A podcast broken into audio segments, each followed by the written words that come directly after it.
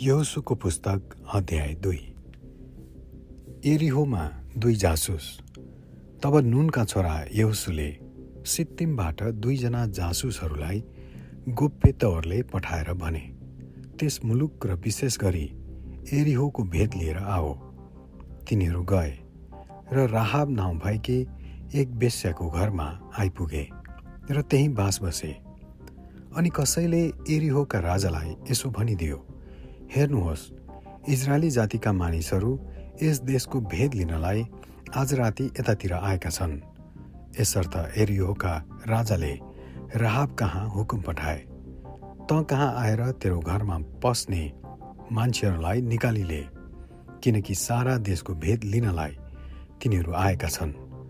तर त्यस स्त्रीले ती दुई मानिसहरूलाई लगेर लुकाएकी थिए त्यसले भनी हो ती मानिसहरू म कहाँ आएका थिए तर तिनीहरू कहाँबाट आएका हुन् मलाई थाहा भएन। साँझ पख सहरको मूल ढोका बन्द गरिने बेलामा तिनीहरू निस्केर गए। ती मानिसहरू कता गए मलाई थाहा छैन। झट्टै तिनीहरूका पछि गयो भने तिनीहरूलाई भेट्टाउनेछौ तर त्यसले तिनीहरूलाई माथि कौसीमा लगेकी थिए र कौसीमा त्यसले मिलाएर राखेकी सनका डाँठहरू मुनि तिनीहरूलाई लुकाइरहेकी थिए। खेद्ने मानिसहरू चाहिँ तिनीहरूलाई खेद्दै एर्देनका जङ्घारहरू पुग्ने बाटोतिर लागे। तिनीहरूलाई खेद्नेहरू बाहिर निस्किने बित्तिकै सहरको मूलढोका बन्द भयो। ती जासुसहरू सुत्न अघि माथि कौसीमा त्यो स्त्री उक्लेर आए र त्यसले ती मानिसहरूलाई भने मलाई थाहा छ यो देश परमप्रभुले तपाईँहरूलाई दिनुभएको छ। र हामीहरूका बीच तपाईँहरूको कारण आतंक फैलिएको छ र यहाँका मानिस बासिन्दाहरू तपाईँहरूको भयले काम्न थालेका छन्। तपाईँहरू मिश्र देशबाट निस्किएर आउनुहुँदा तपाईँहरूका सामुन्ने परमेश्वरले लाल समुद्रको पानी सुकाइदिनु भएको र एर्दन पारीका एमोरीहरूका दुवै राजा सिहोन र ओगलाई तपाईँहरूले नाश गर्नुभएको पनि हामीहरूले सुनेका छौँ। यो सुन्ने बित्तिकै हामी व्याकुल बन्यौँ।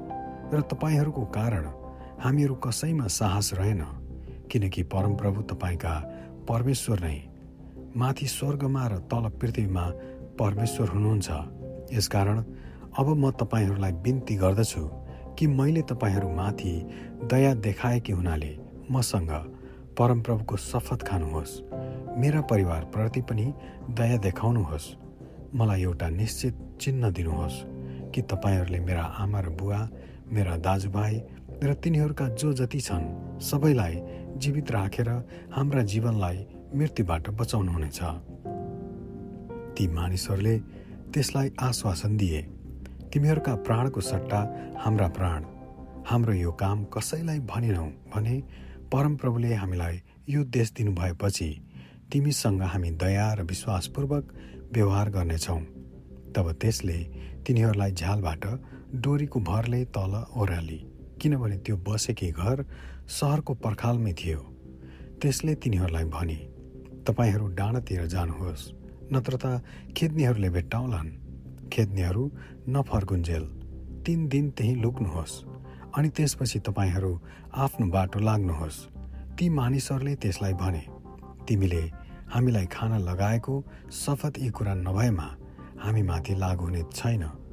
हामी यस देशमा आउँदा जुन झ्यालबाट तिमीले हामीलाई ओह्रालेकी छौ त्यही झ्यालमा यो रातो डोरी बाँधिराख्नुपर्छ र तिम्रा बुवा आमा दाजुभाइ र तिम्रा बुवाका सारा घरानालाई घरभित्र भेला गरेर राख्नु। जो तिम्रो घरबाट बाहिर सडकमा निस्कन्छ त्यसको रगत त्यसैको शिरमा पर्नेछ र हामी निर्दोष रहनेछौँ। अनि जो तिमीसँग यस घरमा रहनेछ त्यसमाथि कसैको हात पर्यो भने त्यसको रगत हाम्रो शिरमा पर्नेछ। तर तिमीले हाम्रो यो कुरा प्रकट गर्यौ भने तिमीले हामीलाई खान लगाएको यो शपथबाट हामी स्वतन्त्र हुनेछौँ।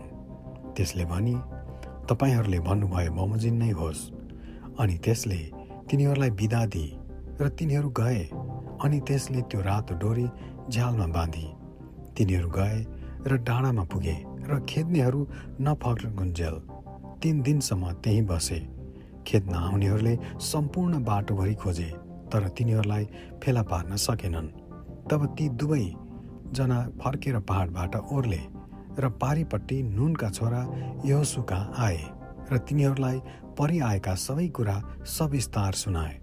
तिनीहरूले यहोसुलाई भने साँच्ची नै परमप्रभुले यो सम्पूर्ण देश हाम्रो हातमा दिनुभएको छ।